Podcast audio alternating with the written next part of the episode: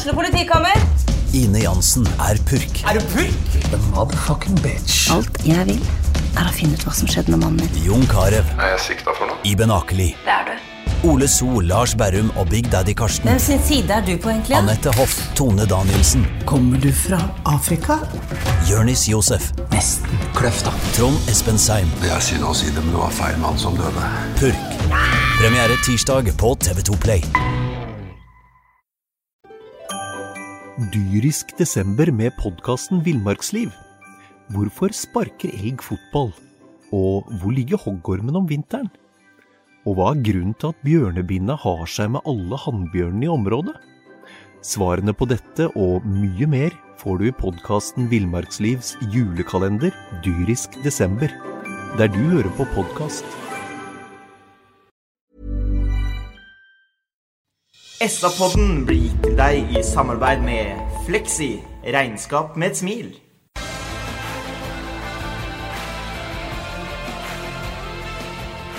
Sarpsborg Arbeiderblad presenterer SA-podden med Patrik Walter Larsen og Petter Kalnes. Hjertelig velkommen til program to i SR-podens årskavalkade for 2019. Vi er så heldige vi at vi har her Bjørn Inge Bingen Nilsen. Hei, hei. Og så har vi selvfølgelig Øystein Weberg. Hei, og som du ser så har både Bingen og jeg på sløyfe. Nydelig. Og så har vi en eh, slipskledd herremann ved navn Petter Kalnes. Mornings. En annen slipskledd herremann, det er meg, og jeg heter Patrik Walter Larsen. Og dette her er eh, som sagt program to av SA-poddens årskavalkade. I program én, gutter, så avslutta vi med en eh, nydelig seier mot Odd. Men den første kampen vi skal gå gjennom i dette programmet her, den gikk ikke like bra, men vi hadde trua. Vi hadde trua. Jeg blir eh, leit å kjøre tippetips eh, nå, da, men eh, vi prøver likevel. Jeg tipper 3-0 til Sarpsborg i nord, og så tipper jeg at Sarpsborg Lotte vinner 2-1 mot Vålerenga. Det blir så mye resultater at da får målskåreren like. 1-7 i Tromsdalen til onsdag. Og så tipper jeg eh, 1-0 mot Vålerenga til søndag. Ja, 4-0 til Sarpsborg i, i Tromsdalen. Det er forresten gratis inngang for alle som eh, Har turen. Heldigvis da så var det ikke så mange sarpinger som tok turen til Tromsdalen, for det var dårlige greier. Ja, Øystein og jeg gikk på konsert i stedet. eh, Og det var et klokt valg, Øystein. Veldig god prioritering. Vi var Jakob såpass Resvik. Ja. ja, vi var Sjølve sønnen til sjølve faren. Ja.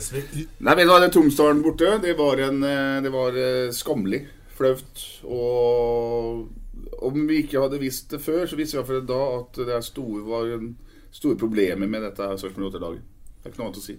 Nei, Vi kan høre hva du sa dagen etter kamp. Nei, si det. Vi kan vel begynne med å si at det var en skammelig opptreden i, i Tromsdalen. Det er vel ikke så mye annet å si. Det var ikke så mye annet å si, fordi det var rett og slett en kamp der man var Du har prata om det tidligere, Bingen, om at 08-fotballen har vært fraværende. Men her så, her så du ikke et snev, ikke antydning engang, til eh, 08-fotball var i den kampen der. Nei, og I tillegg så minnes jeg vel det at Tromsdalen fikk faktisk én utvist Ja, etter 20 minutter. Mhm. Og da spiller vi mot uh, Norges dårligste nivå to-lag, som nesten ikke plukka poeng eller skåra mål. Så det her var eh, Det var jo Det var jo helt jævlig. Rett og slett. Og etter kampen så hadde du et eh, spørsmål du ville ta opp, Bingen. Glem hva som har skjedd, for vi lever i nuet. Vi lever av prestasjonene. Glem at vi har eh, tapt 25 kamper eller spilt to cupfinaler og fått, fått bronse i serien. Har Geir Bakke mista det? Har han mista garderoben? Responder. Har Geir Bakke mista det, spurte du etter den eh, kampen. Nå sitter vi her lenge, lenge etterpå med fasit i hånd, og da spør jeg deg Hadde han mista det på det tidspunktet der? Ja, jeg mener jo at eh, Da var det grunnlag for å diskutere hans eh, stilling allerede da. Det var ikke du enig i, Øystein? Nei, jeg var ikke enig i det, og jeg er for så vidt ikke Jeg tilhører dem som håper at det gjøres grep, men ikke, ikke på, på akkurat det, heller innenfor 2020. Så der er, der er Bingen og jeg uenige. Men, eh, men eh, dette var jo alvorlig. Altså, det er jo ikke bare at vi ryker ut i cupen uh, mot et lag. Det er jo som Bingen sier, det er det desidert dårligste laget på, på nivå 2. Og det er faktisk så dårlig at antagelig holdt en dårlig nivå 3-standard. Mm. For et lag som har 3-4 poeng, null seirer, på det tidspunktet vi møter dem der oppe, har rett og slett blitt herja med av alle lag i Obos-ligaen.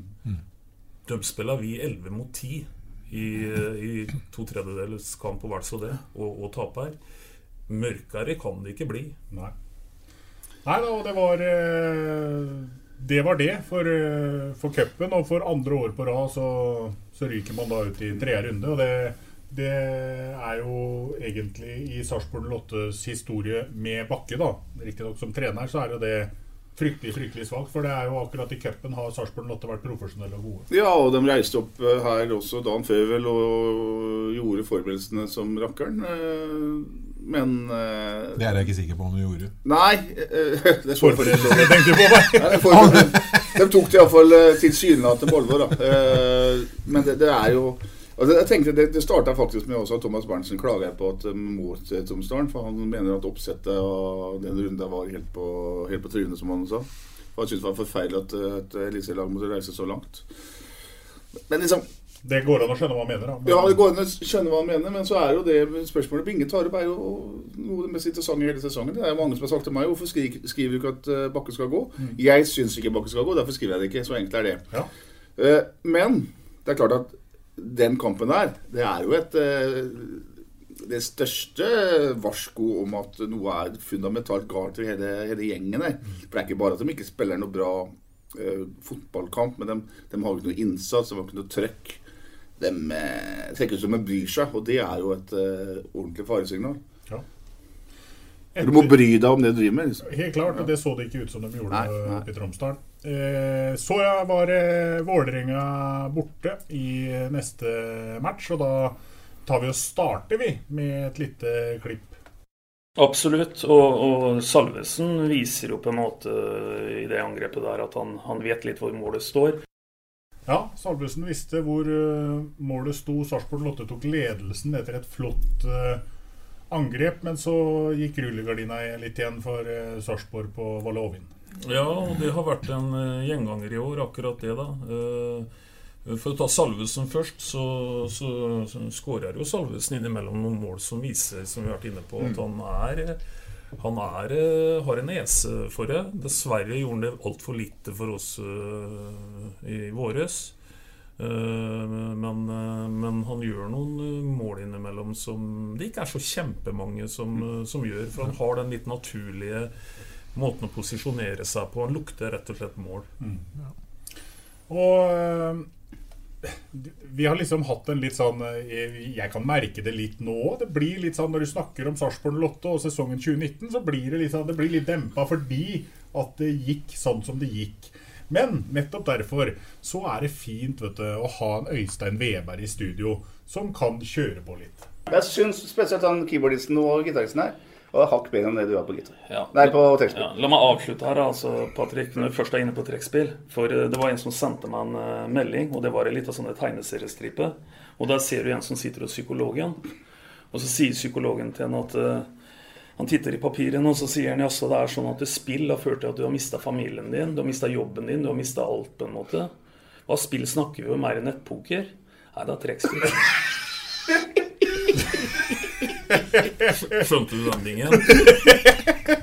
Noen spiller på hest, andre spiller trekkspill. Ja, så er det bare. Men, det var også da ett poeng da, borte mot uh, Vålerenga. Uten å gå veldig mye dypere inn i den matchen, så er det Strømsgodset på hjemmebane i, i neste runde, og der ender det 2-2.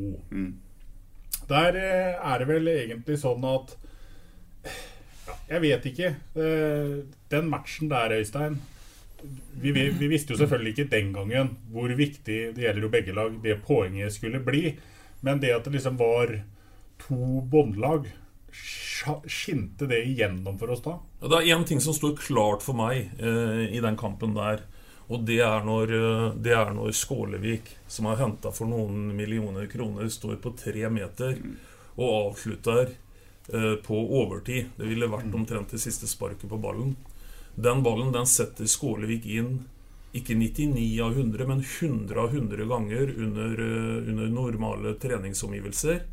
Nå satt han den i tverrliggeren og ut. Ja. Og det ble litt symbolsk eh, både for gutten og for så vidt også for laget uh, denne sesongen her. For det er klart at det, poenget var viktig, Patrick. Men da kan du jo tenke hvor viktig det hadde vært å få Skålevik sin, eh, sitt skudd inn. Klart det. klart det. Vi hadde en eh, tidligere spiller vi, i studio etter den matchen her, Øystein, og han sa mye klokt. Jeg syns 08 spiller for mye på tilfeldigheter nå. Det er for tilfeldig om det dukker opp en sjanse eller ikke, syns jeg. Eh, Du har ikke det overtaket som du bør ha på hjemmebane i, i flere minutter enn de 15-20 minuttene du har av, av, i starten av andre omgang. der sånn. Det er vanskelig å være uenig med gamle, fantastiske kaptein Ole Heieren Hansen i det han eh, sier der. Det var jo ikke, det var jo ikke sånn at Strømsgodset ble fillerista på stadion. Nei, absolutt ikke. Og helt enig med deg. Heieren sa mye klokt. Venta mye klokt. Mm. Så, så han har helt rett. Det vi husker her, er jo Han, han øh, viser vel til en øh, 15-20 minuttersperiode etter pause der. der det er, det er noe av det bedre de leverte i år, syns jeg, er nettopp den øh, perioden der. Og av en eller annen grunn så, så faller man bakpå igjen, da. øh, som også har vært en øh, gjentagende greie. At man ikke klarer å holde trøkk over tid. Men Ole Heiren Hansen snakker jo her om øh, Han sammenligna med det han opplevde sjøl. Og da, det han opplevde, var at man på hjemmebane mot et lag som Godset dominerte. Øh, hadde taktpinnen. Var bestemt utpå der. Og det er jo det han savner. Ja, og så husker jeg en annen ting, Patrick. Han, eh, Ole og jeg hadde en liten meningsutveksling som vi er egentlig ganske uenige om. Mm. Eh, og det syns jeg er interessant. Uenighet har aldri vært noe farlig. Det er flott. Mm. Eh, men som ill- illustrerer også litt sånn hvor komplekst ting er. For jeg husker jeg sa ganske tidlig at det at vi erkjenner at vi er et båndlag, Ja. det at vi på en måte stikker fingeren i jorda og på en måte mm. innser at i år så kommer det til å bli kampen om å overleve, det tror jeg, men vi er på tror, vet du, at kan ligge noen ekstra poeng gjennom en lang sesong. Uh, heieren, han uh, tenkte litt annerledes. Jeg så en eh, reportasje med, med Sakariassen og, og Skålevik før, eh, før kampen, hvor de, eh, hvor de uttaler at nå handler det om å redde plassen. Jeg må si at jeg syns det er litt tidlig og litt, eh, litt passivt. Det er rett og slett ikke eh, Heieren enig i. Nei, det er interessant. Kjempeinteressant. Og, og så kan du si at dere har rett begge to. For altså, jeg er enig med han Øystein at det er viktig å erkjenne hvor er i verden. For det gjør vi jo ikke gjennom hele vinteren. Da snakker de om ting som er eh, litt urealistiske, faktisk. Og det har vist seg å være å stemme òg. Men Heieren syns det er for tidlig. Heieren syns fortsatt man skal være litt uh, tøffe si at vi være offensive. Og mene uh, at man skal være oppe i toppen her. Iallfall litt uh, høyere på tabellen. Eh, Men jeg tror jo erkjennelsen av at man er et båndlag eh, Jeg tror det til syvende og sist blir veldig avgjørende sesongen som var. Altså. Ja, jeg, jo- jeg tror det, men, men Heieren knytta det jo f.eks. veldig opp til den konkrete godsekampen. Og mente at vi, vi med en litt sånn en litt høyere innstilling, litt mer, eh, litt mer høy og mørke, rett og slett skulle kjørt over godset. Du skal ikke bli eh, ovenpå i Sarpsborg, men uh, hadde du gått inn i den kampen i går med et litt annet bilde enn at eh, her, vi, her blir det to lag som kommer til å dunke, som kommer til å slå langt, og gått inn i den kampen og si at vi er et bedre lag enn Strømsgodset, for det er 08, så tror jeg de hadde, jeg de hadde på, på kvaliteten kjørt over det godslaget der sånn. Jeg er litt enig Nå elsker du jeg er jo enig med deg, men jeg er litt uh, Det tror jeg går begge veier. Jeg er enig med, jeg er enig med Ole. Mm. Uh, Fordi at jeg syns allerede tidlig at jeg kunne merke i uttalelser før kamper at vi begynte å prate opp motstanderne. Og prate liksom på en måte Og da gjør du vel det sånn at du prater ned deg sjøl, da. Og til slutt så begynner du å tro på det, vet du. At du ikke Da har du ikke det offensive hodet lenger. Da har du ikke stilt offensivt når du går på banen. Da skal du gå ut hele tiden for å forsvare noe. Og jeg syns det er fint at du erkjenner at ikke det skal bli noe medaljesesong, og at vi skal få 60-70 poeng. Men det fins en mellomting. Mm. Og den syns jeg jeg begynte å ane veldig tidlig. Og det overraska meg veldig. Både uttalelsene til Geir Bakke før kamp og til spillere som i dette tilfellet her. Ja, og det Passivitet ble jo banen til Sarpsborg Lotte akkurat i den matchen her. For Jeg vet ikke om dere alle sammen husker utligningsmålet, men det tror jeg, eh, til Kristoffer Tokstad. Hvor han løper over en hel banehalvdel med tre sarpinger halsende etter seg. En fullstendig feilplassert keeper, og så kan han bare trille den inn. Ja, merkelig mål. Ja, det var, en, det var en litt merkelig match, og Ja. det var et uh, merkelig mål som gjorde at det til slutt endte 2-2. Og så vil jeg minne Bingen på, da med en liten sånn pekefinger her nå, Bingen, at etter kampen mot Rosenborg, så er du i høyeste grad med på og sammen med oss andre på å si at dette her kommer til å bli en sesong som dreier seg veldig mye om å berge og en slitsom, eh, slitsom sesong. Så det er en balansegang her som er ganske krevende Ja. i forhold til å erkjenne på den ene siden, men samtidig ikke snakke seg for mye ned. Og, Ja, og der. Så det er, det er ikke noe enkel Det er jeg enig med deg i, Øystein. Det jeg enig Og så er jeg enig med deg også. Jeg syns Geir veldig ofte snakker opp laget. Jeg har sånne intervju med en time kvarter før kamp. Da forteller han alltid hvor gode motstanderne er. Ja. Liksom, du, må, du må demme opp for dem og demme opp for det. Eh, Men du vet ikke om han sier det til spillerne sine. Ja, men der var Ikke han ikke i fjor mot Nei. omgivelsene eller da, mot deg. da snakka han om sitt lag, om, om seg. Nå skal vi ut og vinne dette her, gutter. Liksom. Og det er det heieren sier, og det er sånn de vil ha det på hjemmebane. Interessant. Ja, Og veldig det, interessant. og det er jo, viser seg litt, det er jo litt tydelig da, at eh, for heieren som har gått uh, Sarpsborg Lotte-skolen, så er det jo det han er vant med. Han eh, mener ja, Ja, det ja, at du skal ja. være mer Ja. høye og mørke. Ja. Skal, det er som han sier, vi skal ikke bli ovenpå eh, som Sarpsborg Lotte-spiller, men vi må vite hvor gode vi er, og hva vi er. Ja, eh, og så er det kjem- kjempestor forskjell på runde 12 og runde 25. Liksom, ikke sant? Det er helt noe annet. Og så er det også interessant at uh, unge Vevar her nå både er uenig med Bingen og med Heieren. Og det er ikke noen smågutter du snakker om her, vet du. Du snakker om to av de store guttene i byen her. Jeg nyter det. Nyter det? Ja, ja. Ja, det Er det, en er det noen diagnose på Ja, det, det, tror jeg, det, det er det folk som hevder at det er, faktisk. Så det skal du ikke tøyse med. Men jeg syns det er helt nydelig. Ja, det er bra, det er bra, Øystein. Det som ikke var bra, det var eh, å reise en ny tur nordover for uh, Sarpsborg eh, 08. Vi kan jo høre åssen det hørtes ut i eh, SA-podden dagen etter uh, Tromsø-Sarpsborg 08 2-0. Nei, det var en, eh, ny eh, trist opplevelse, syns jeg. Eh, etter en eh, tross alt uh, hyfset annenomgang mot Strømsgodset på mandag, så ble jo dette her en 90 minutter lang eh, nedtur. 90 minutter lang nedtur. Ja, Da snakker jeg svensk om godsekampen, så blir det en nedtur å reise til Tromsø. Det var vel sånn, Jeg husker eh, den kampen som en sånn som jeg hadde lyst til å spole liksom, over. Jeg er ikke Mm. snart ferdig, så jeg får skrevet det jeg skal skrive. liksom. Mm. Ja Var de ikke sjanseløse, sånn jeg husker det? Jo, det var vel mer eller mindre det, Øystein? Ja, de var mer eller mindre sjanseløse. Det var, eh, det var en av dem eh, etter hvert ganske mange dårlige kampene i år. Ja. Vi, vi går ganske fort forbi den kampen her, Ja, vi, ja, vi, ja, ja, for det ja. var ikke mye å prate om, rett og slett. Eh, Fra Nadderud derimot, der var det mye å prate om der. Der var det mye å prate om der, for der endte det jo 3-3. Og det var jo helt uh, utypisk, ja egentlig både Stabæk og Sarpsborg Lotte, men i hvert fall veldig utypisk Sarpsborg Lotte å skåre tre mål i en uh, fotballkamp. Men så er det sånn, da. Man leder 2-0. Man leder 3-1.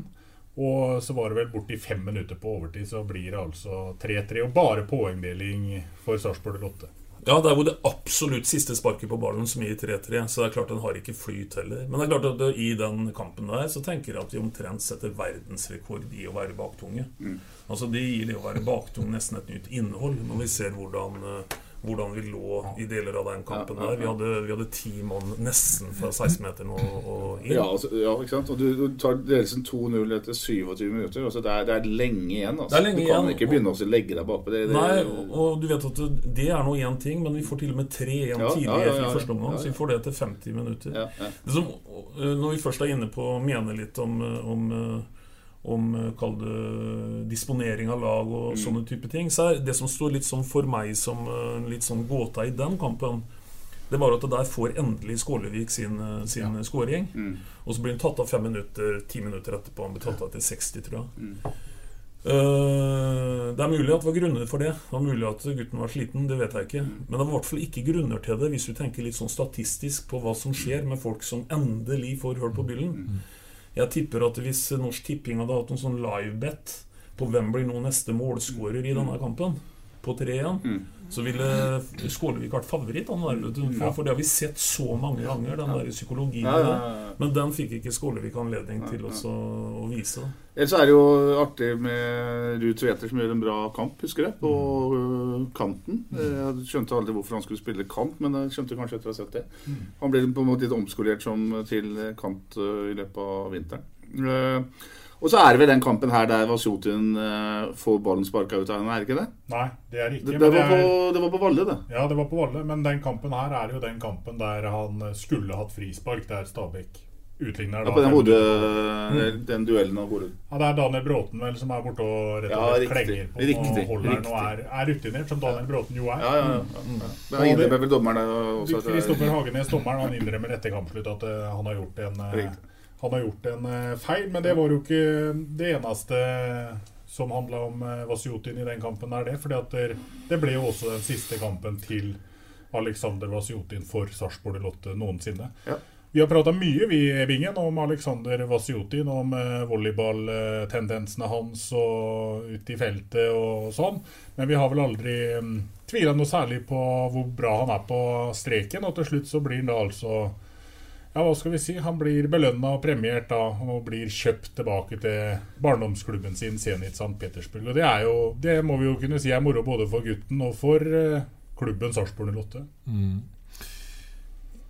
Ja, og så synes jeg, jeg syns jo det var uh, utrolig moro for han. Uh, sjelden jeg applauderer et salg, men i det tilfellet her å få lov til å komme hjem etter at du har vært på rundreise i, i både Finland og i Norge, etter at du ikke er funnet god nok i moderklubben din, hvor du har blitt, er vokst opp og vært i akademiet, og kommer hjem i en eh, ja, et Champions League-lag og får lov til å være med i troppen der. Han ble jo ikke henta inn for at han skulle være noe soleklart førstevalg, men for han så var nok det veldig riktig og veldig, veldig viktig. Så det syns jeg var eh, hyggelig eh, på en keeper vi fikk eh, gratis, Mm. og som ble utvikla under Jerry Knutson. Og jeg syns at det var en fin, eh, fin avgjørelse. Ja, og litt klassisk 08-deal, for å bruke et uh, utenlandsk ord. Altså, De henter den uh, mer eller mindre gratis. Kanskje til og med gratis. Ja. Men han, uh, de sender den av gårde for seks millioner. En strålende han. Det går til og med an å si at det er kanskje 2019s uh, artigste fotballhistorie. Dette, Mm. du, Ja. Hele den pakka med Vasutin. Uh, både i forhold til økonomien, uh, i forhold til 08 sitt omdømme. Altså, Nå kan de jo til og med uttale antagelig Sarpsborg 08 borti, borti St. Petersburg. Ja. Eh, vi har altså vært en klubb som på en måte har greit å gi en klassekeeper en restart på karrieren. For, på en måte, liksom Bygd opp til å nå bli henta tilbake. Så det er vanskelig å se noe negativt med, med det året Vasjutin var her. Det kommer til å stå i Det historiebøkene. er flott historie, rett og slett. Ja, det er det. Ja, vi husker alle, vi husker alle hvor bra han var, i, spesielt i kvalifiseringa til Europa League, hvor han hadde noen helt elleville redninger og, Ja. og var med på å sende sarpingene ut i Europa. Ja, absolutt. Så kan vi heller glemme den uh, 3-3-skåringen, eller 3-2-skåringen til Besiktas. Mm, ja. ja da, den husker vi ikke. Men uh, vi husker eh, Molde, Sarpsborg 08. Da var det jo Vasjotin på benken, Aslak Falk inn som, uh, som keeper. Aslak Falk som er en herlig type. En klubbspiller. Men dessverre for han så er han og har vært gjennom karrieren en reservekeeper. Så står han altså en aldeles glimrende match oppe på Aker stadion. Han stopper veldig mye som han i utgangspunktet ikke må eller bør stoppe. Og så blir kampen avgjort ved at han eh, gjør en feilvurdering og kaster ballen ut til eh, Matti Lund Nilsen, som ikke er forberedt. Det ender med at Molde skårer toen, og så blir det ikke noe poeng på Sarpsborg 08 i Molde. Vi skal høre på et lite klipp vi fra podkasten etter Molde-kampen. Samtidig så er det jo nitrist å se at man har spilt 15 kamper, skåra 16 mål og har 13 poeng. Det er, eh, det er en beksvart sesong. Det har vært tungt å spille en podkast i år, og ikke bare være fotballsupporter eller fotballspiller eller fotballtrener, men å være podkaster òg. Det har vært tungt, det òg. Ja, vi, vi snakker Vi om det som skjer, og det, det er jo kan jo ikke sitte og lage noe morsomt ut av det greiene her. Det, vi sier det som det er, og det har vi gjort hele tida. Ja. Og... Og Legg merke til tallet som Ann Petter refererer der. Da, da har vi også spilt 15 kamper, 13 poeng. Ganger i den sesongen med to, så får vi 26 assist i mål. Ja. Så, så det er klart at uh, her måtte det jo til en, uh, en endring. En måtte rett og slett begynne å pelle litt poeng. Ellers så uh, har jeg et liten, liten kommentar til den Molde-kampen. For, for den var litt sånn utypisk 08 på én måte. Vi blir jo kjørt veldig mye tidlig i kampen. Men det som gjør den der, der Hva skal vi kalle det Hjernemisten på et lite sekund av folk der, som slår en helt uforståelig pasning ut Han er jo ikke posisjonert så han rekker ordentlig tilbake engang. Veldig ergerlig det er at det er jo etter hvert så, så tar vi faktisk over på Røkkeløkka. vet du. Jeg var der borte og sto, sto bak mål og så det veldig tett på. og og vi satt jo med en god følelse etter hvert, at her får vi faktisk med oss noe. Vi hadde ikke noe voldsom tro på det når vi reiste bort, men det var en kamp hvor du hadde følelsen at nå er det faktisk vi som spiller Molde ganske baktunge. Mm. Og selv en Conté kom inn i den kampen Mm, der. mm. Og, og da kunne han faktisk ligne litt på Kunne ligne litt på sin mer berømte eh, salg vi hadde til, til Brygge. Mm. Han hadde noen tendenser, så så det var en kamp som absolutt hadde noen positive elementer. Men igjen da, så er det null poeng. Du er, ikke, du er ikke kjent for å være den som er mest positiv i den podkasten, er du, Bingen. Men uh, husker du den matchen, og husker du noe positivt du tok med deg videre fra det? Nei, vet du hva, jeg, jeg må ærlig innrømme at jeg husker ikke den kampen så godt som Veberg gjør. Men han var jo der, så det er jo naturlig at han gjør det. Men eh, nei, dessverre. Nei. Aslak Falk eh, Jeg husker at Aslak Falk eh, gjorde noe ikke han burde gjort, men og at han var veldig god for øvrig i kampen. Ja. Men, eh, og det, men det er vel litt sånn ah, Det blir litt sånn typisk for en keeper som eh, ofte blir en reserve, at du har eh, Du har et eh, høyt øverste nivå, og så er liksom, kan du trekke ut proppen noen ganger eh, på båndnivå for at det, det blir så fatalt noen ganger. Og Mm. det er jo det som er litt synd for Aslak Falk, da, som er en så sjelden skada, treningsvillig, kommer i sin beste alder. Mhm. og Flott fyr. hvor skal du liksom Hvor skal du stå i mål til slutt? Ja, han, han var jo Han tok jo over som førstekeeper etter Anders Kristiansen i 2018-sesongen. Og var jo førstekeeper halve sesongen der. Er det noen mulighet for Falken til å komme tilbake og bli førstekeeper i Sarpsborg 08? Ja, det er klart det Men han må jo legge av seg de, de tingene da som han gjør som blir fatale, som får konsekvenser. For eh, det, det, det handler jo ikke om eh, han, har jo fått tillit, og han har fått muligheter i, i flere klubber, han. Mm. Men eh, til slutt så blir det litt gjennomskua. Det er litt, er litt dumt, det der, for at du vet aldri hvor jeg holdt på å si haren hopper. Og det, det, det skjer ut av, av intet. Og det er det som off, altså, Nå blir hans litt sånn både rykte og bane, da. Ja, og Spørsmålet er om de har på en måte prøvd den. da. De prøvde den eh, når Kristiansen dro til Belgia, og så gikk ikke det bra. Det var derfor de henta Vasutin. Han, han var jo ikke veldig god hele vårsesongen. Så spørsmålet om han har fått stempel på å ikke være bra nok. da. At de nå kommer til å hente en, en keeper som er så solklart bedre at han blir en naturlig nummer to. Eh, og hente dem tilbake til Letelier, som vi jo snakka om i forrige podkast, eller før- etter siste, siste serierunde, så, så blir han jo sittende. Og, og så spiller de, altså det som er rart, Han spiller jo nesten ikke rekordkamper heller. Så han sto jo nesten ikke i mål i, i matcher. Og så viser det ikke minst da, det er sikkert Nå tror jeg vi er veldig enige, Bingen. Ja. Det viser jo hvor, eh, hvor utsatt Noter det, Patrick. Det viser jo hvor utsatt keeperposisjonen er. Ja. For det er klart at i kampen mot Molde, så la oss si at den har ti involveringer og lykkes med ni av dem, da. Og så er den fatal, den tiende. Det er klart at du har hatt en offensiv spiller som hadde hatt eh, 500% sjanser og skåra tre mål, så hadde den vært banens beste. Ja, ja.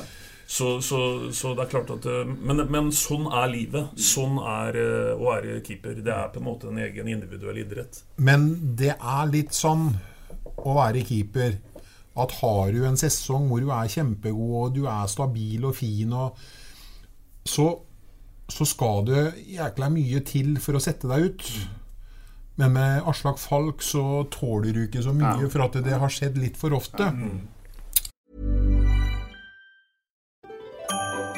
Dyrisk desember med podkasten Villmarksliv. Hvorfor sparker elg fotball? Og hvor ligger hoggormen om vinteren? Og hva er grunnen til at bjørnebinna har seg med alle hannbjørnene i området? Svarene på dette og mye mer får du i podkasten Villmarkslivs julekalender Dyrisk desember, der du hører på podkast. Og da skal det gjerne, for at en keeper skal spille seg ut av et lag, så må du liksom ha en Gjerne kanskje, i hvert fall kanskje tre dårlige kamper på rad. Men eh, hos eh, Aslak Falk så er eh, den terskelen eh, litt, litt lavere. Det er akkurat det. Og så blir det jo selvforsterkende det da, vet du, når du står der på keeper, som keeper og føler at du står litt på nåde, sånn som Aslak Falk gjør. Ja. For det er klart at eh, en bør jo ikke være ferdig utdanna hjernekirurg for å forstå at eh, det presset du da har ved at du gjør deg en feil, Ja, så er ja, ut. Det, det forsterker jo bare arbeidsvilkårene arbeidsvilkåra dine. Men det er synd, jeg må bare poengtere det igjen. Det er synd, for at han spiller jo eh, strå, eller Han har jo strålende kapasitet i keeperspillet sitt mm. til de grader som vi ser da mot Molde. Men så kommer den ene dumme som han sikkert er så utrolig lei seg for, og vet sjøl at det ikke skal komme, men han vet heller sjøl ikke når han kommer. Nei, det er akkurat Men Ja. eh, sånn, eh, hvis du skulle gitt han et karrierevalg, eh, vil du råde han til å spille i i Nei, altså for eksempel, hvis han skal leve Gå til en ny klubb? hvis, nei, hvis han er, innfinner seg med å være en nummer to, men har en uh, god holdning som han tydeligvis Ja, ja, ja, ja. har, for han er jo i treningshverdagen uh, veldig fin for Mm, mm. klubben hele tiden og innfinner seg med det, så kan han godt leve av fotballen til han er og holder seg skadefri til han er en 37-38 år, han, men, og han kommer sikkert til å få spille både cupkamper og han kommer til å sikkert få spille tippeligakamper, eh, eliteseriekamper i framtiden. Men jeg tror eh, hvis den skal bli satsa på som førstekeeper, så må nok et hakk ned. Ja. Vi hadde besøk av uh, Geir Bakke, vi, i midtveis i sesongen. Og vi skal spille Da var ikke jeg der. Nei, det var ikke det, Bingen. Det var kanskje Det var kanskje like bevisst? Nei da. Nei da, men Du var vel i Syden eller noe sånt? Men i hvert fall så var det jo sånn at Bakke han sa selvsagt flere interessante ting, men vi skal høre på et par av de tinga han eh, sa. Jeg har vel sagt det noen ganger nå, og det, det blir sikkert folk lei av å høre. At eh, jeg føler at eh, motstanderen har fått fryktelig mye ut av ganske lite, og vi har fått veldig lite ut av ganske mye. Sånn i forhold til hva som har blitt produsert og sånne ting. Men, men eh, det er fort gjort å dulle seg inn i unnskyldninger også. Det skal man være fryktelig forsiktig med. Ja. Dulle seg inn i unnskyldninger. Ja, men Bakke sier egentlig her det helt korrekte. Det blir laga en, det blir laget en eh, Jeg skal være forsiktig å si basert på forskning, Petter, Ja. men det blir laga en sånn fotballsak her sent på høsten som faktisk tar for seg uh, litt flyt og uflyt. da. Uh, for du vet at det, vi, har, vi har vanligvis i fotball ikke hatt en sånn gode parameter på det. Du, du har hatt skudd på mål og sånn som en sånn en greie. Ja. Og det kan være et helt ufarlig skudd som ruller inn til keeper. Den blir tella, ikke sant. Og så bommer du på åpent mål, så er kanskje ikke det skuddet på mål, da. Eh, det som ble lagt fram eh, eh, senere på høsten her, det var det som Geir Bakke sier, å få lite ut av mye.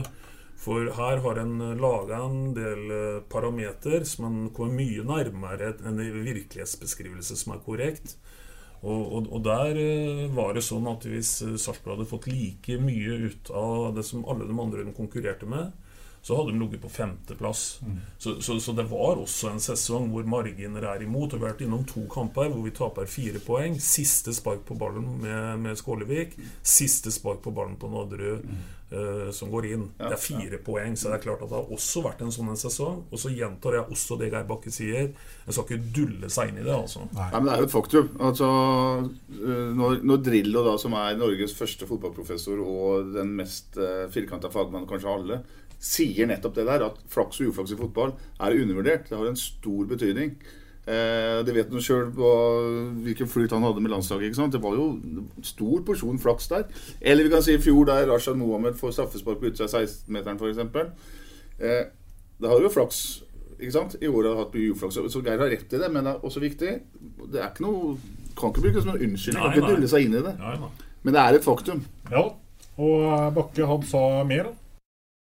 Vi er inne i en krevende periode nå. Eh, og nå dras det i hverandre på stadion der. Og jeg skal love dere at det er mye diskusjoner som går i alle mulige retninger. Eh, og mesteparten av det som blir diskutert, da, og den høyden der oppunder det taket der, det, det skal ikke ut på SA-TV. Men jeg kan love dere at det er fruktbare og sannsynligvis nødvendige ting vi må igjennom eh, for å ta nye steg. Det har vært diskusjoner og høy takhøyde på én enda i år. Ja. øh, vi vet jo ikke det, vi, men det sier alle at det har vært. At det er takhøyde, og at de diskuterer øh, hefte seg imellom. Når vi hadde Thomas Berntsen i studio på Åråsen før siste kampen, så spør jeg jo han om øh, vennskap har blitt satt på prøver. Og han svarer vel at de er fortsatt ikke gode venner der nede, men at det har vært tøffe tak. Eh, Cato Haug går vel til og med så langt som å si at, at uh, Geir Bakke på et tidspunkt også sa at øh, Syns dere jeg trenger hjelp, på en måte? Syns dere vi skal hente inn noen andre? Eh, Men de har blitt enige med å stå ved det de har. da. Det eneste de gjorde i løpet av sesongen, var å trykke Erik Holta nærmere A-laget igjen for å være juniortrener.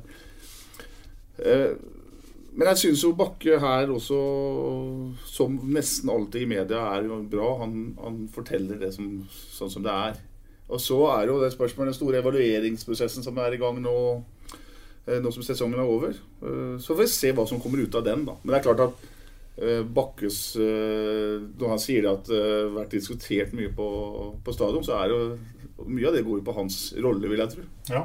Det har vært diskutert mye andre steder enn på stadion nå, Øystein. Og, og diskusjonene begynte tidlig om eh, det var sånn at det kunne være smart å gjøre grep i trenerapparatet.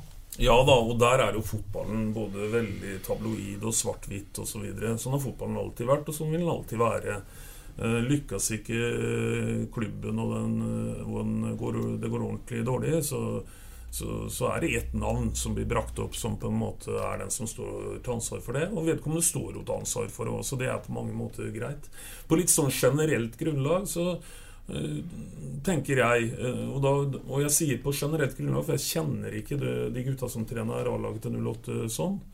Men, men det som jeg tror er viktig, både der og andre steder, det er at en ikke blander sammen god kjemi med 100% enighet om alt. Jeg tenker at det er bra at synspunkter kan brynes litt osv. Og, så og da understreker jeg at det kan godt hende det gjør det hele tiden der nede. Det vet ikke jeg noe om. Men i så fall eh, det er viktig at eh, du som på en måte skal utvikle det sportslige produktet her, eh, ikke bare har felles oppfatning om hvor veien går. Så, så når Petter snakker om evaluering og Cato snakker om takhøyde og sånn Jeg betviler ikke at takhøyden er stor, men da jeg sier at jeg mener at det bør være noen eksterne som også eh, man kan se litt inn i dette her, og at en ikke sitter og evaluerer hverandre, så er det ikke det at det nødvendigvis skal være noen eksterne som skal trekke noen store konklusjoner, men hun kan komme med noen innspill, sett litt utenifra. Jeg tror det er nyttig. Punktum. Der er jo dere to da, et kjempegodt eksempel. Jeg vil jo si at dere har eh, ganske god kjemi, men det er ikke så veldig ofte dere er eh, enige, eh, Bingen. Når sesongen var halvspilt Ja, Men det gjør podkasten bedre òg. Ja, det gjør det jo. Akkurat som Det fotballen skal bli bedre at det er Ja. uenighet. Kanskje. Kanskje du og jeg skal begynne å være litt mer enige Jeg er sjefen din, så du har ikke Ja, der, der kommer det inn i bildet, så du tør jo ikke Nei, det er akkurat det. Der har vi problemet vårt. Men uh, Geir Bakke svarte vel uh, fornuftig for seg midtveis i sesongen, Bingen. Geir Bakke svarer Geir Bakke er en fornuftig person, han. Eh, jeg vil litt tilbake til det Veberg sier. Hvis man slutter, og hvis man ikke tør å utfordre hverandre, hvis man slutter å ikke tørre å pirke hverandre litt i nyrene og stille den kritiske spørsmålet, så kommer vi heller ikke til å utvikle oss. Så jeg håper at det er sant, det som Bakke sier, og det som eh, Cato nå snakker om i forhold til evalueringa. Jeg håper at ikke det her blir for eh, vanskelig og kameratslig. Og jeg håper at de er tøffe nok til å ikke pirke hverandre i nyrene, men å dra hverandre ordentlig i nyrene, for det gjør jævlig vondt. Men eh, i motsetning til oss andre så har du vært, du har vært sportssjef i SFK, eh, blant annet. I 08 år? Ja, ja. I Fire år, faktisk. Men jeg skal faktisk. tilbake til det jeg skal spørre om. Det var i, SFK-tida. SFK-tida. For da, da hendte jo at dere skifta trener i sesongen. Eh. Den prosessen der, hvordan har den vært, liksom? Eller hvis du kan huske den altså, La oss sette sette deg inn som sportssjef i den eh, sesongen til Geir Bakke, da. Eh, du sier at han mista uh, garderoben, sier du alle i mai måned. Ja. Her er det etter 15-16 kamper, og Ja. fortsatt er situasjonen dårlig. Ja. Hadde dette vært i, i din regjeringstid i SFK, så hadde vel dere sannsynligvis bytta han. Men fortell litt om hvordan prosessen fram til at dere velger å skifte trener midt i sesongen. Eh, er det hvordan eh, gruppa responderer på den, eller handler det om resultater? den, liksom? den, den, den må du nok ha Eller den, den får du etter å ha vært i fotballen siden du var liten gutt. ja, ja, ja. Den derre garderobelukta og atmosfæren i garderoben, og hvor du uh, kjenner litt når treneren snur ryggen til i motgang, at ikke du har den tilliten som du egentlig bør ha og fortjener som trener og som sjef. Når den forsvinner litt, da begynner det å, bør det gå noen varselklokker. Og jeg, eh, jeg har ikke vært i garderoben eh, når jeg sier det om Geir Bakke, men jeg følte ikke det at der, etter Tromsø, Tromsdalen-tapet at der, de responderer at det jeg så i treningshverdagen da, altså, det forsvant. Det var helt totalt fraværende i kamp. Og det var da jeg sa det, og det står jeg for fortsatt. Og jeg eh, syns det er eh, eh, veldig rart at klubben eh, sto ved Geir Bakkotton Freddy Aune sin side til sesongen var eh, slutt. Bingen, du sier at de skulle ha sparka Bakke i løpet av sesongen. Hva tenker du nå? Skal de skifte trener foran neste sesong? da? Vet du hva, det høres veldig snålt ut, men nå syns jeg ikke det. Men faresignalet var der veldig helt ifra Tromsdalen og utover. Da mente jeg at det var viktig med en ny stemme inn. Nå er ikke det så viktig. Nå har vi nulla den sesongen her sånn. Vi har klart å berge det. Nå kan eh, Bakke fortsette. Han må få nulle, han må få gjøre tingene annerledes, og han må få bevise at han er god nok til å gjøre sesong 2020 til en bedre sesong enn 2019. Interessant det, Øystein, at eh, Bingen har på en måte snudd litt. da Mente tidlig eh, i sesongen at, eller at eh, Bakke måtte ut. Mens nå får han eh, muligheten i 2020-sesongen. da Ja, øh, det kan du godt si at det er, er interessant. Det jeg er litt opptatt av, det er på en måte at det må være en utvikling. Eh, og da tenker jeg at øh, Litt tilbake til det jeg sa i stad. At øh, jeg er litt opptatt av at teamet har litt komplementære ferdigheter. Tør å være litt, litt øh, mm, Kall det litt tøffe med hverandre. Utfordre hverandre. Ja, ja. Og som jeg, jeg bør ikke gjenta det hver gang, men jeg, jeg kjenner ikke godt nok til å si at det ikke er sånn. Men det mener jeg er viktig. At, eh, at det her for, for det er klart, ta for eksempel en litt sånn gjennomgående ting vi har har uh, diskutert og kritisert i år, da, så er det på en måte eh, litt uh, lav uh, risikotaking i, Mm. i visse situasjoner. Da tenker jeg at eh, det er litt åssen person du er, på en måte. Så det er ikke bare å forandre på sånne ting.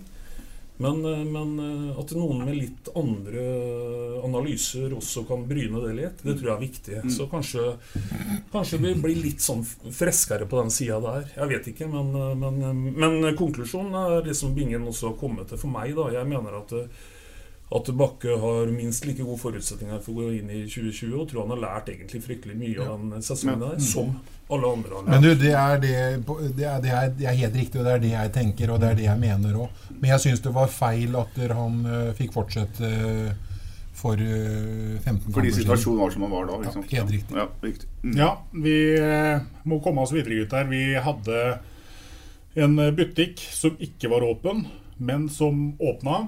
Det kom eh, spillere inn. Det forsvant spillere ut. Rosenborg kom på besøk til eh, Sarpsborg stadion, og vi skal høre et klipp fra etter eh, SA-podden. Jeg har lyst til å starte med å si at uh, det er bare å gratulere byen med stemningen og, og, og ramma rundt kampen i går. Og jeg vil gjerne se den, eh, den Det skjedde nemlig en underlig kombinasjon i går. vet du. Og det er at det, mens du i moderne tid aldri har stått mer nede i møkka sportslig, så setter du publikumsrekord. Det, det, det opplever du veldig sjelden. Ja, det er nesten så, utrolig. så det er faktisk helt utrolig. Det var eh, gøy å være på stadion og, og se så mange sarpinger. Ja, veldig, veldig morsomt. Og, og vi har jo vært inne på det litt før. Vi øker jo kraftig. Fra kraftige økninger tidligere. En skal merke seg det òg. En kan alltid øke liksom med 50 Det hjelper ikke mye hvis det er fra 1 til 2 eller 100 Eh, Her er går det fra et veldig godt tall til eh, ytterligere gode tall. Og det har vi sett gjennom hele sesongen. Og så er det jo selvsagt som han eh, Petter har vært inne på, at nå er ikke alle setene som har vært brukt hele tiden. Men eh, vi, det var litt av en ramme rundt Rosenborg-kampen, og vi spilte en god kamp mot Rosenborg. Men det ble ikke gode tall uka etter i Stavanger. Nei, vi fikk se det som gjør at jeg så nedrykk i Hvitøyet ordentlig for første gang. Det ble to gjentatt mot uh, Viking, og jeg må bare, Petter, jeg beklager, men jeg må bare ta med ett klipp til fra den uh, podkasten. Ja, Grunnen til at jeg sier at jeg ser Hvitøy i nedrykk, er- det- det- nedrykk i, i Hvitøy, er jo Petter er, egentlig, ja, Petter er innovativ her. For han, han innfører faktisk et språk som faktisk Ingen forstår. ingen har brukt i fotballterminologi. Her ser han faktisk Hvitøyet i nedrykket. Ja, han gjør det. Så her var det alle mann Alle nedrykk har jo et hvitt øye. Ja. Og nedrykket så du ordentlig i Hvitøyet, mente du? Når, eh, Ja, det, var- det handla vel litt om hele greia. Altså Hele settingen i Stavanger var sånn at øh, For jeg så, jeg så ingen øh, som tok tak. Jeg så en gjeng redde fotballspillere. Og fotballspillere som ikke som er redde, dem, dem, dem presterer ikke, det vet vi jo. Så det, det var liksom på en måte den Og da er vi jo over halvveis av sesongen, så jeg syns det var en øh, et veldig sånn skremmende, skremmende kamp, det der òg. Ja. Og så var det hjem til eh, Sarp igjen og møte eh, Bodø-Glimt. Og da på stadion da så endte det 1-1. Da debuterte Mustafa Abdelaue, og vi skal ta med oss eh, noen klipp også fra SA-podden etter Sarpsborg 08 Bodø-Glimt. Den byttehandelen, la oss kalle det det, da. Salvesen eh, ut, Mos inn. Eh, der er jeg imponert av, over Berntsen. Jeg tror i hvert fall at vi har gjort et godt bytte. Jeg tror vi skal være ærlige og så- si det, sånn som ting har utvikla seg. Moss eh, var en god byttehandel. Jeg syns Mos er bedre enn Salvesen. Nei, men vi, vi skal ikke sitte her og henge ut noen eller drite ut noen eller noen som helst verdens ting. Men det ender jo Det ender jo ikke godt for Sarpsborg Lotte, den byttehandelen her, da. Nei, og I den grad vi driter ut noen nå, så driter vi oss sjøl, Ja. Patrick. Ja, ja. Og det, det byr vi på. Helt klart. Det sier jo bare litt om uh, at eh, det faglige nivået ikke bestandig har holdt en skyhøy kvalitet. da Så dette var interessant. Her var vi helt skjønt enige. Vi er ikke bestandig det, men skjønt enige om feil ting, altså. Og veldig mange har kommet til meg nå når sesongen er over og sagt at det der byttet med Mos og Salvesen det var jo helt idiotisk. Eh, og det er jo, kan man jo si nå. Men det var jo ingen som sa det den gangen. Noen veldig veldig få var det nok, men ja. jeg, jeg, jeg skjønner hva du Ja, mener, ja. og, og ser hvor du vil. Skulle, skulle, vi, skulle vi kritisert det òg, gutter, i poden, da hadde fader meg blitt en eh, mørk eh, pod. Så vi må heller ta det på at vi syns det var på tide å, å skryte av noe. Ja, og si det sånn, da. Salvesen har jo glinsa etter den eh, overgangen. Han, han, han, han viste fram noen tendenser i Sarpo. Ja, Du, det, handler om, det handler om selvtillit. Det handler om, om å få lov til å spille gjentatte ganger, og du kan senke skuldrene og vite at du kan gå på banen. Jeg vet ikke hvor mange ganger han har blitt tatt av banen av han Pedersen borte i, i Strømsgodset. Eh, eller hvor mange ganger han ikke har starta. Men det er klart, får du selvtillit Du tror du kan eh, gå på vannet til slutt, vet du, og det er det han gjør. Vet du, Å skåre åtte mål der borte. Moss har vel ikke fått de sjansene av han i 08, og sånn blir det da deretter.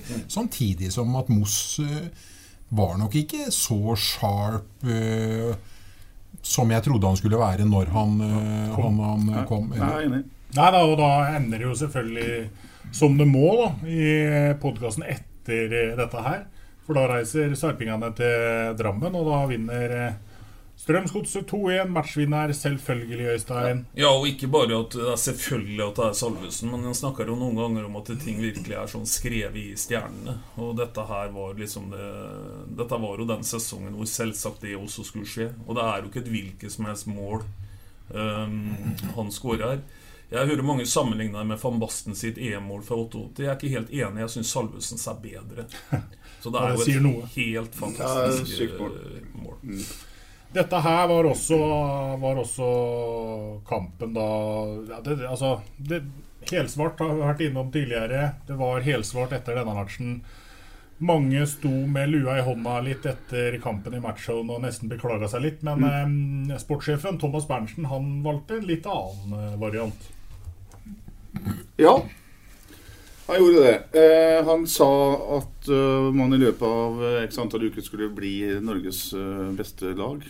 Eh, og det, var, det fikk meg til å reagere litt. Jeg kalte det en komisk Ali-uttalelse, og det står jeg for.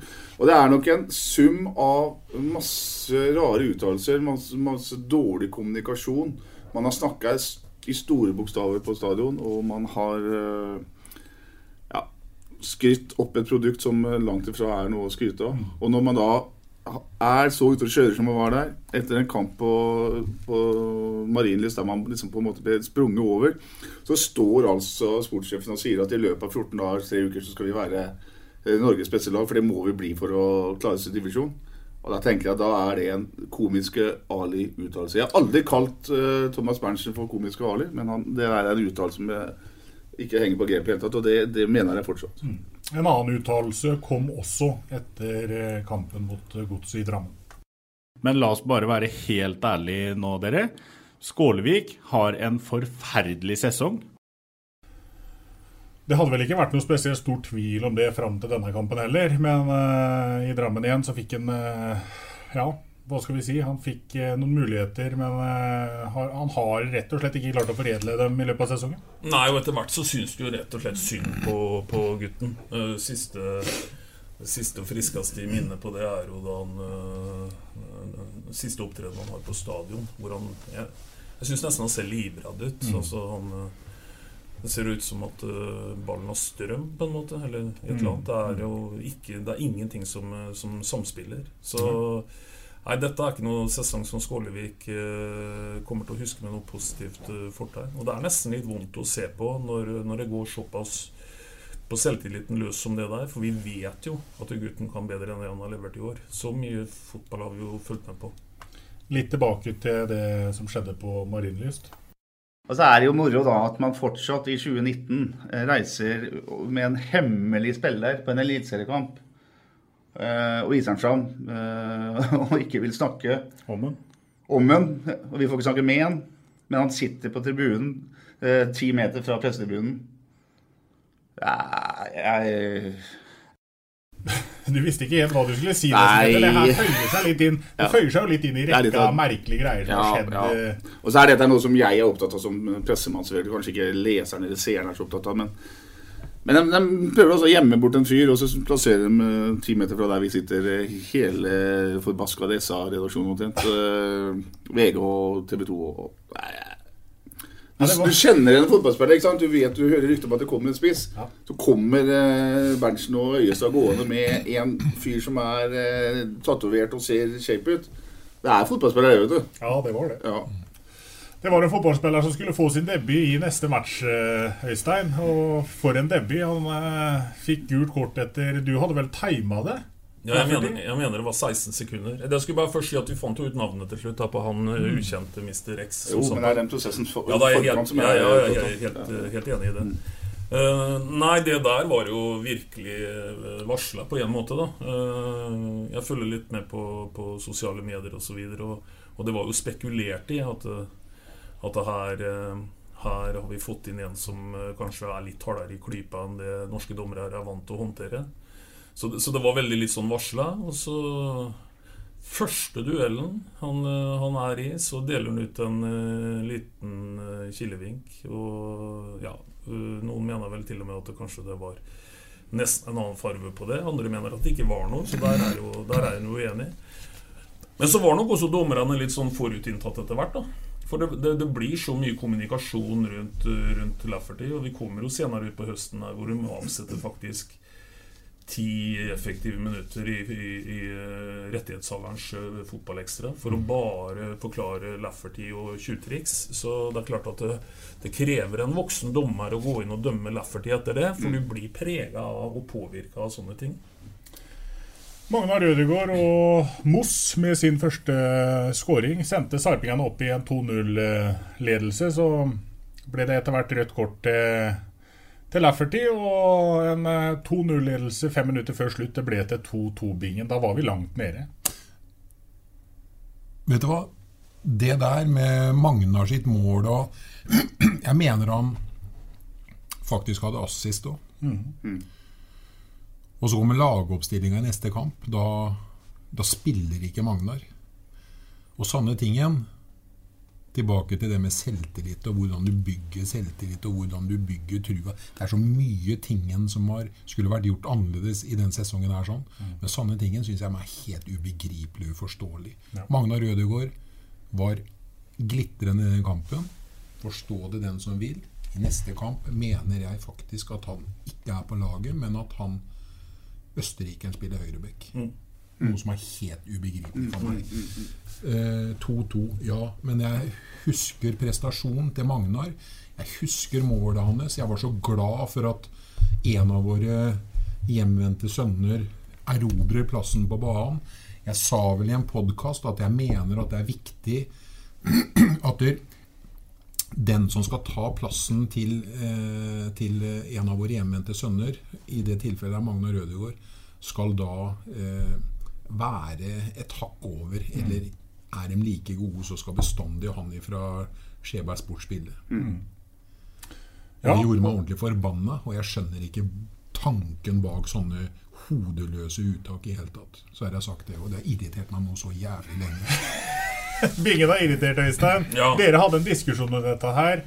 Eh, hva tenker ja, du? Det, faktisk. Ja, men, men, diskusjonen gikk ikke på at jeg var uenig med Bingen hvis det er hakk Hvis det er to like, ja, like spillere. Men Bingen han, han sa ikke helt det han Har jeg moderert meg Du modererte deg litt på, her som på en del andre. Men du skjønner hva jeg, jeg mener? Hva du mener. Men, men, men, eh, jeg er enig. Hvis det, hvis det, er likt i den grad det, det, blir jo litt sånn nesten akademisk interesse. Men hvis det er likt, mulig å liksom si her er det likt, da er jeg helt enig. Da, da velger du local lad. Ja. Men du velger ikke Logan Ladd hvis han ikke er god nok. Det var hovedpoenget mitt. i, i forhold til ja, det. Det mente jeg at han hadde bevist. Ja, ja. ja, Ellers så er det jo litt viktig å si da at uh, uh, akkurat det temaet som, uh, som Bingen er inne på her, gjør de jo noe bra ved òg nå på siste tredjedel av sesongen. For vi snakka i poden omtrent i det området her om at det var viktig nå å sette en elver. Og og det gjør de eh, veldig til 80-90 mm. utover i mm. sesongen. For klart at dette er en sesong hvor vi har brukt én, to, tre elvere mm. totalt. Mm. Uh, og, og, nå brukte vi kanskje Det har ikke vært i noe sett, men 15 spillere på de siste åtte kampene, kanskje. eller noe sånt. Så, så her her eh, gjør en jo det som skal til for å kunne skape det som heter så fint eh, relasjonelle ferdigheter. Da. Du mm. kjenner igjen hvor du har makkeren mm. din, for du øver på dette her hele tida. Og det tror jeg var en av dem Jeg tror jeg kan gå så langt som å si at, eh, at det var også et av bidragene som gjør at vi er et eliteserielag også i 2020. For det er jo ingenting som nesten skulle til for at vi, ikke, at vi skulle gått ned. Det er jo bare målforskjellen her. Mm. Og det ble viktig. Et meget langt andre program av eh, SA-sportens årskavalkade 2019 er slutt. Vi takker for at du så på, og så må du få med deg program nummer tre i denne serien. Trenger du kontor i hjertet av Sarpsborg? Velkommen til Jernbanegata 11. J11 er et kontorfellesskap med moderne og skreddersydde lokaler for ditt behov. Mer info finner du på j11.no. SA-podden blir gitt til deg i samarbeid med Fleksi regnskap med et smil. Dyrisk desember med podkasten Villmarksliv. Hvorfor sparker elg fotball? Og hvor ligger hoggormen om vinteren? Og hva er grunnen til at bjørnebinna har seg med alle hannbjørnene i området? Svarene på dette og mye mer får du i podkasten Villmarkslivs julekalender dyrisk desember. der du hører på podkast.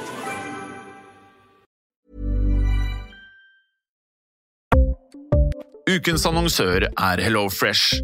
HelloFresh er verdens ledende matkasseleverandør og kan være redningen i en travel hverdag. Mange av oss har nok vandret i butikken både sultne og uten en plan for middagen, som ender med at vi går for de samme kjedelige rettene gang på gang. Middag burde være dagens høydepunkt. Som Hello Fresh kan du nå velge mellom 25 ulike retter hver eneste uke, eller få Hello Fresh til å sette sammen menyen for deg. Dette gir deg muligheten til å prøve nye og spennende retter alene eller sammen med familien. Du velger antall porsjoner og får alt levert på døren på et tidspunkt som passer for deg. Oppskriftene er enkle, og maten er lett å lage både for store og for små. Ved å få alt levert hjem får du også mer tid til å dele matgleden med familie og venner. Kanskje det frister med asiatiske tacos eller greskinspirert kylling? Da kan jeg anbefale deg om å gå inn på hellofresh.no. Her kan du bruke koden FOTBALL og få opptil 1779 kroner i rabatt på de første fem matkastene hvis du ikke har prøvd Hello Fresh tidligere. Du kan også bruke rabatten hvis du har vært kunde og stoppet abonnementet ditt for tolv måneder siden eller lengre. Gå inn på hellofresh.no og bruk koden FOTBALL. Har du et enkeltpersonforetak eller en liten bedrift? Da er du sikkert lei av å høre meg snakke om hvor enkelt det er med kvitteringer og bilag i fiken, så vi eh, gir oss her, vi. Fordi vi liker enkelt. Fiken superenkelt regnskap.